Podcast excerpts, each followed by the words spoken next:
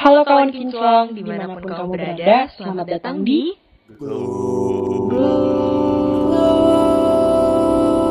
Ups.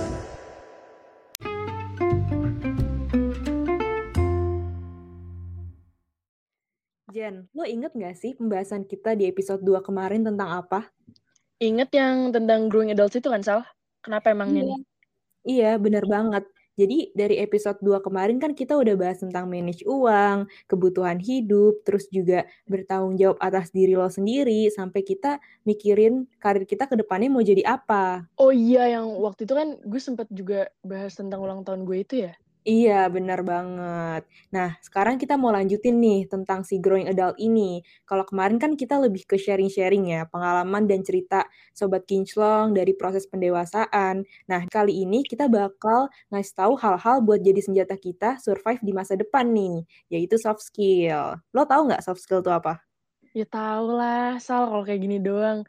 Udah jelas-jelas namanya soft skill. Hmm. Soft skill berarti skill yang lembut. Karena soft, iya nggak? Aduh, gimana sih ya ampun lo udah nge-podcast selama ini di Glow Ups yang temanya tentang eh, ngasih tips-tips tapi lo nggak tahu soft skill itu apa. Kagak, gue bercanda. Gue tahu, cuman boleh kali lo jelasin dulu soft skill di sini tuh apa, biar Sobat Kinclong tahu. Ya. Oke. Jadi soft skill ini tuh sebenarnya proses pendewasaan tersendiri juga. Jadi kita nyiapin dari diri kita untuk lebih siap lagi terjun langsung ke masyarakat dan ngadepin manusia-manusia yang lebih beragam lagi di luar sana. Nah, gue yakin banget nih, Sal. Pasti Sobat Hmm. Kinclong penasaran, kenapa sih soft skill ini dianggap penting buat kita survive ke depannya? Iya. gue pengen ngajakin lo semua dan sobat-sobat kinclong buat ngebayangin deh. Kalau misalkan ngomongin pekerjaan kita sekarang nih sebagai mahasiswa, sebenarnya tujuan utama kita setelah lulus nggak jauh dari cari kerja kan ya Sal? Dan mulai bisa mandiri. Mm-mm. Dan buat bisa survive pas ngejalanin ini, kita butuh banget yang namanya soft skill. Iya. Tadi lo udah jelasin nih tentang menjalin hubungan baik dengan orang-orang di lingkungan kerja kita nantinya. Terus pasti sobat kinclong dan mungkin lo pernah mikir, loh Mm. bukannya hard skill juga penting ya? Maksudnya kayak hard skill ini lebih penting gak sih daripada soft skill? Mm-mm. Kalau menurut gue pribadi nih, memang bener hard skill tuh juga penting. Tapi nggak menutup kalau soft skill ini juga penting dan kita butuhkan. Mm-mm. Jadi gue pernah baca nih Sal, Mm-mm. kalau kenapa soft skill ini penting? Karena waktu itu ada yang pernah bilang soft skill ini merupakan kunci menuju hidup yang lebih baik. Oh. Sahabat lebih banyak, sukses lebih besar, Mm. kebahagiaannya juga bisa lebih luas. Mungkin kita nih menguasai hard skill, tapi kalau misalkan kita tidak punya soft skill, gue rasa hard skill yang kita punya itu bakal sia-sia. Pasti lo penasaran kan, gimana sih contohnya? Kenapa bisa dibilang uh, hard skill kita bakal sia-sia kalau kita nggak punya soft skill? Iya benar. Gini nih contohnya, kalau misalkan kita punya bisnis, kita udah kita udah paham nih soal teori praktiknya apa ya? Misalkan yang BEP gue kurang tahu karena gue bukan anak bisnis, bukan anak manajemen bisnis, tapi kan biasanya BEP BEP gitu. Kita udah paham banget masalah itu, tapi kita nggak punya soft skill. Soft skill kayak misalkan kita nggak punya apa ya public speaking, itu menurut gue bakal sia-sia karena Iya kita nggak bisa apa ya memasarkan produk kita tersebut gitu. Secara Iya. nggak langsung kita nggak punya skill marketing. Mm-mm. Jadi ya pasti bisnis kita nggak akan jalan juga kan ke depannya. Iya setuju banget. Nah, untuk itu lebih lanjutnya nih Sobat Kinclong. Mm. Gue dan Salsa bakal bahas apa itu soft skill dan kenapa sih soft skill ini dinotabenekan sebagai salah satu kunci kesuksesan. Sebelum itu, sebelum masuk nih, Sal, Hmm. kita ke bagian itu gue mau disclaimer dulu nih, Sobat Kinclong. Mm-mm. Yang namanya tuh ada banyak banget bisa dipelajarin di luar sana yang namanya soft skill. Tapi yang bakal kita sharing hari ini lebih ke soft skill general Iya. atau starting point sebelum dikembangin ke soft skill yang lebih spesifik dan lebih luas nantinya. Iya, bener banget. Jadi kita mungkin ini adalah starting point juga untuk kalian-kalian yang mau mengembangkan soft skill yang lebih luas lagi di luar sana gitu. Jadi mungkin eh, gue bisa nyebutin kali ya beberapa soft skill-nya. Jadi mumpung kita masih muda dan juga sehat-sehat nih, eh, gue dan Jen eh, mau ngajak Sobat Kinclong buat ngembangin soft skill bareng-bareng. Kalau soft skill ini bisa kita kuasain sebelum nginjek umur 20-an atau usia kerja, dijamin banget nih produktivitas dan tingkat survive kita bakal tinggi banget. Mungkin Jadi, langsung aja sih Sal. Pasti iya, sobat-sobat Kinclong penasaran gak sih? iya benar. Uh, Oke, okay. jadi yang pertama ada speaking up. Jadi speaking up di sini itu sebenarnya bukan cuma berarti sobat kinclong harus jago public speaking ya, tapi kita juga harus berani ngasih pendapat dan lebih percaya lagi sama diri sendiri gitu. Jadi biasanya apa yang nahan kita buat speaking up itu kan opini orang lain ya tentang pendapat kita. Kadang tuh kita kayak nggak pede karena takut uh, orang lain eh, nggak uh, suka sama opini kita. Padahal selama kita percaya opini itu benar dan nggak ada salahnya sama sekali buat kita speaking up gitu. Apalagi kalau dosen lagi nanya nih, biasanya di kelas kan, kadang kita suka apa ya, pengen jawab tapi ketahan kan ya Jan ya, karena takut yeah. gitu, jawaban gue salah nih. Sebenarnya itu nggak apa-apa, lo coba aja kan manusia juga pasti pernah salah gitu. Apa salahnya kan untuk kita mencoba. Jadi yang penting pede aja dulu itu. Karena walaupun ternyata jawaban kita salah, itu juga jadi proses kita untuk belajar dan efeknya tuh kita bisa jadi akhirnya ngerti gitu loh. Oh, ternyata kayak gini ya sebenarnya gitu. Terus juga lo bakal lebih fokus merhatiin kelas karena ada motivasi bisa ngasih jawaban yang lebih tepat di lain waktu gitu. Tapi gue pernah gini deh, misalkan masalah hmm. Ngomong-ngomong public speaking nih. Jadi yeah. temen gue tuh pernah cerita kayak misalkan hmm. dia tuh mau ngomong, misalkan kita lagi zoom nih, cuman hmm. kayak apa ya? Pas udah mau ngomong dia tuh kayak nggak ada nggak istilahnya nggak berdaya gitu loh buat mencet mic-nya gitu, buat on mic gitu. Hmm. Kadang tuh terjadi kan, iya, tapi itu tuh pernah terjadi ke gue waktu awal-awal gue kuliah. Gue tuh kayak yang takut banget buat on mic. Kayak gue pertama kali on mic tuh kayak gue ngomongnya gemeter gitu loh, ngerti gak sih? Yeah. Gugup, gugup tangan gue juga dingin. Tapi yeah, yeah. itu tuh pasti apa ya terjadi di awal-awal doang kayak semakin lama lo hmm. ngelakuin itu lo tuh makin biasa gitu lama-lama jadi kayak ngomong di depan umum di depan hmm. banyak orang kita tuh jadi biasa biasa aja gak sih kalau lo sendiri hmm. gimana nih Sal? Iya bener banget kayak lo juga harus memulai kan Jen lo memulai untuk berani hmm. itu ada niatan dari diri sendiri oke gue mulai berani nih dengan lo abis memulai itu lo jadi tenang kan jadi apa ya oh ternyata rasanya nggak takut-takut banget ah untuk gue on mic gitu bener banget sih jadi iya buat sobat-sobat kinclong nih kalau nggak berani coba aja dulu. Hmm, kalau nggak dicoba tuh nggak bakal tahu ya kan? Tahu, iya setuju. Apalagi kita masih muda banget nih kayak coba aja banyak hal-hal sesuatu yang baru. Setelah itu lo bakal tahu passion lo juga ke depannya apa dari hal-hal yang lo coba itu gitu. Oke. Okay. Hmm. Mungkin gue bisa lanjut ke yang kedua ya, Jen. Boleh, boleh. Apa tuh? Jadi yang kedua ini ada time and money management. Nah, ini tuh uh, apa ya? Gue sering banget ke sobat kinclong kemarin-kemarin juga kita udah bahas yang episode awal-awal ya yang kita tentang self reward. Iya. Yoi. Kan kita ada bahas juga tentang money management. Sebenarnya money management dan time management ini tuh giriskan juga di kalangan kita gitu. Sering juga dibahas sama orang-orang. Tapi yang emang namanya manage waktu dan uang tuh perlu banget untuk selalu diingetin kembali nih, Sobat Kinclong. Mm -hmm. Jadi kita perencanaan keuangan dan jadwalin waktu kita jadi tabungan vital untuk menunjang keberlangsungan hidup kita nanti. Apalagi kalau sobat kinclong masih suka boros dan keteteran jadwal, yang suka deadlineer atau yang suka apa membeli barang-barang yang tidak penting gitu. Hidupnya pasti kan nggak tenang ya.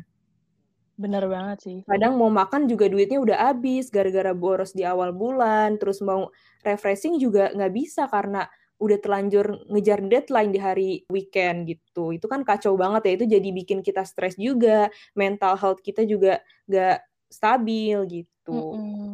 Jadi uh, harus selalu ingat sobat kinclong, kita harus work life balance. Jadi biar kita nggak jadi robot yang jadi budak kerjaan gitu.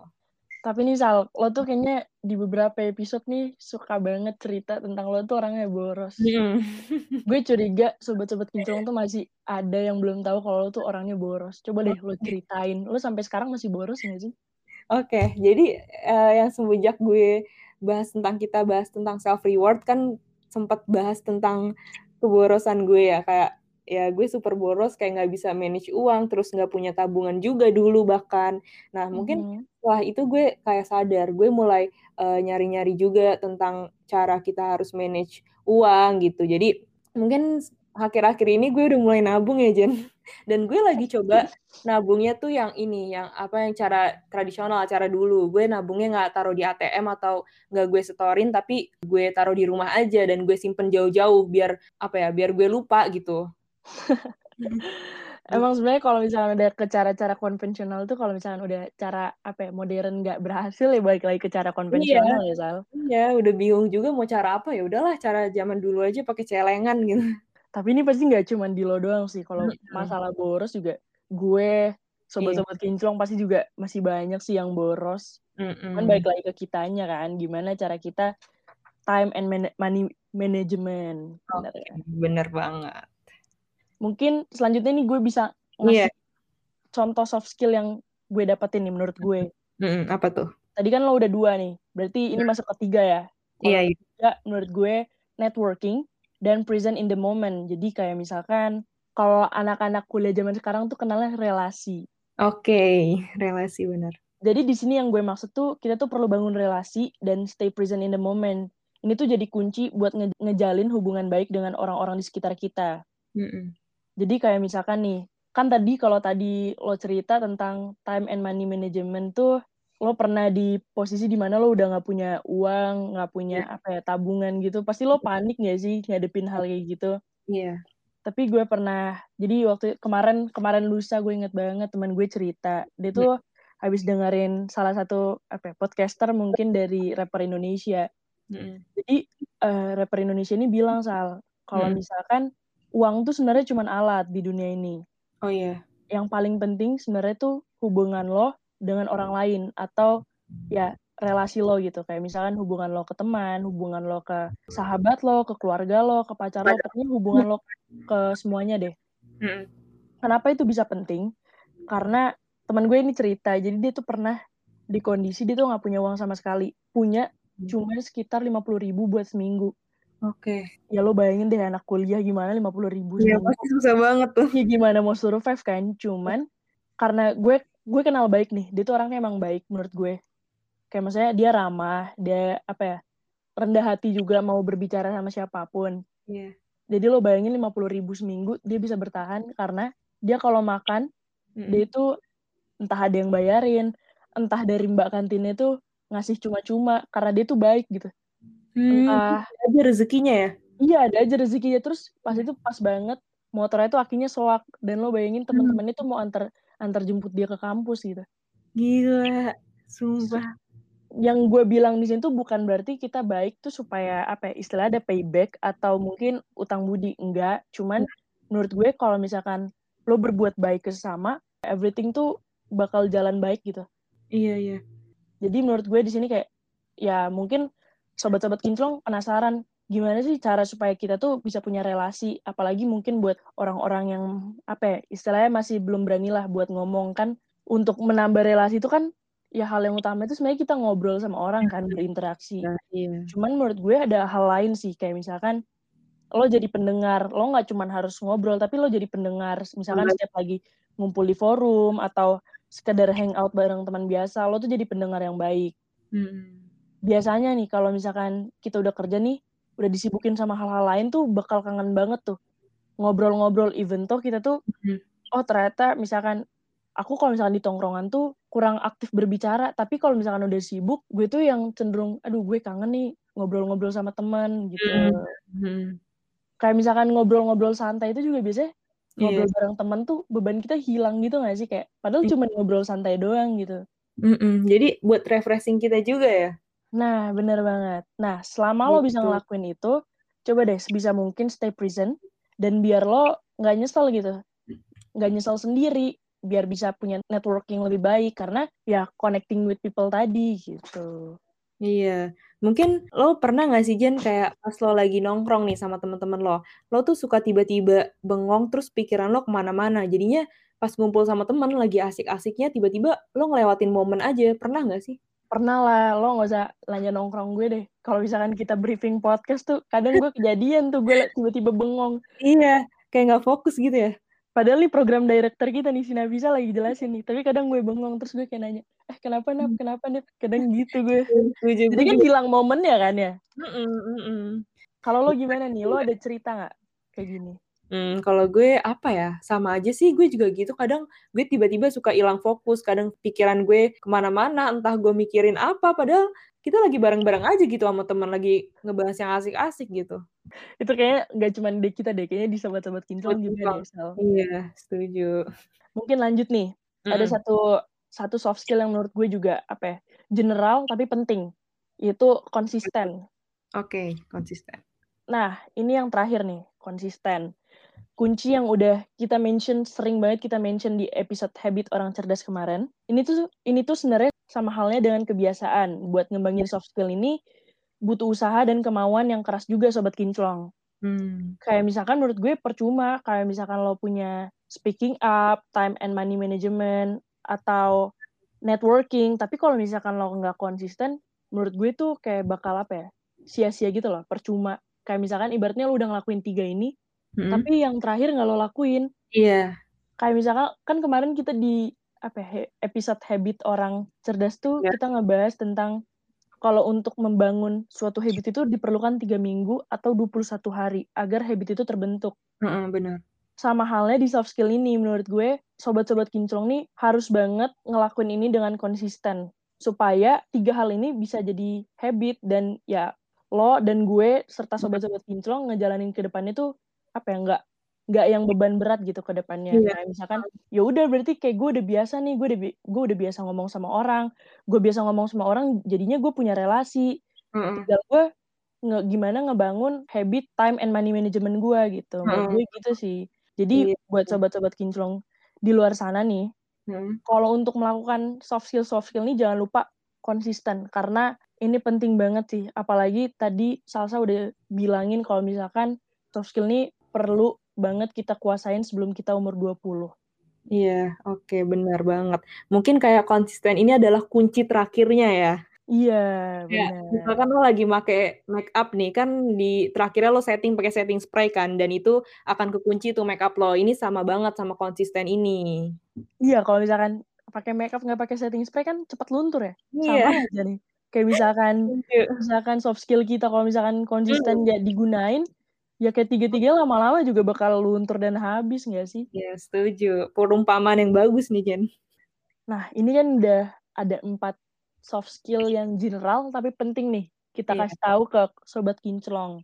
Jadi menurut gue sobat kinclong jangan bosan-bosan dengerin Mm-mm. apa ya dengerin kita karena kita suka ngasih tips, kita ngasih apa ya ibaratnya yang berat-berat gitu ya tentang self development tapi percaya deh ini tuh manfaatnya besar banget sih buat sobat-sobat kinclong. Ya, gue gue sendiri sebagai podcaster, gue berasa manfaatnya sih dari research-research materi kan sebelumnya pasti, terus juga dari kita nyampein ke kalian juga, kayak wah lumayan banget nih buat gue sendiri manfaatnya gitu. Apalagi di ini ya soft skill yang pertama ya kita jadi berasa banget nggak sih Sal? Iya, iya setuju. Nah, kan udah nih tadi kita kasih tahu tips. Mudah-mudahan nih sobat kinclong masih inget deh kalau misalkan ntar udah sukses udah ada yang jadi direktur, ada yang jadi Ya macam-macam deh. Semoga inget sama kita ya, Sal. Iya mungkin mereka suksesnya juga dari dikasih tips-tips dari kita nih. Iya bisa jadi kan. Gue gue Bisa jadi. sih. Sal kayak sobat kinclong tuh cepet naik promosi kalau ngelakuin Amin ya. Oh juga deh Jen. Iya buat kita juga sih, yang terutama kita karena kan kita yang ngasih tahu ya, Sal. Terutama kita. Yoi Mungkin coba deh. Gimana eh, gimana tuh, Sal? Mungkin kita bisa nge-review sedikit kali ya, Jen, apa yang tadi skill-skillnya. Mm-mm. Boleh, boleh Hmm. banget. Eh, mungkin dari gue tadi ya, yang speaking up itu bukan, jadi intinya soft skill speaking up ini bukan tentang lo jago public speaking, tapi tentang bagaimana lo berani beropini di depan banyak orang gitu. Mm. Terus yang kedua, time and money management. Jadi intinya, ini kan lo udah mulai dewasa ya, udah nantinya di umur lo yang udah angka depan 20 atau mungkin berapa, lo pasti kan suatu saat harus biayain hidup sendiri. Mungkin bisa dari sekarang lo nabung-nabung untuk lo nikah nanti, mungkin kan kita nggak tahu juga. Mungkin juga kalau lo mau S2, lo bisa ngebiayain S2 lo sendiri kan nggak enak ya kalau masih minta ortu juga gitu. Bener banget. Mungkin lo mau nambah review lagi? Ya, mungkin gue mau nambah review yang tadi time management. Untuk time management juga uh, jangan dikebiasain deh untuk kalian tuh ngerjain deadlineer karena sebenarnya deadline itu juga nggak sehat guys. Kayak sebisanya nih, kalau gue sekarang udah mulai nerapin sebelum Sabtu Minggu uh, tugas-tugas gue harus udah kelar. Jadi pas weekend nih Sabtu Minggu gue bisa refreshing. Jadi Seninnya tuh udah hidup lagi gitu menyambut uh, minggu baru. Kayak dari gue ya, Sal.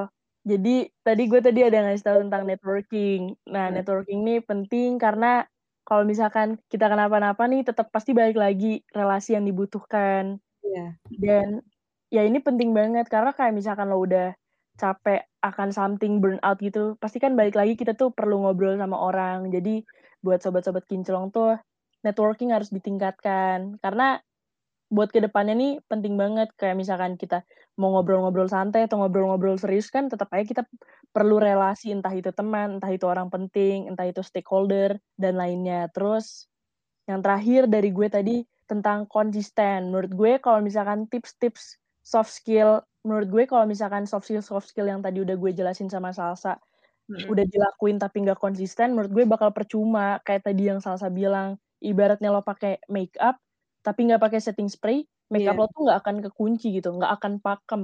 Semuanya tuh kayak bakal luntur cepet. Kalau misalkan lo nggak konsisten, tadi yang tiga hal dari speaking up, manajemen, lalu networking, itu tuh semua akan sia-sia gitu.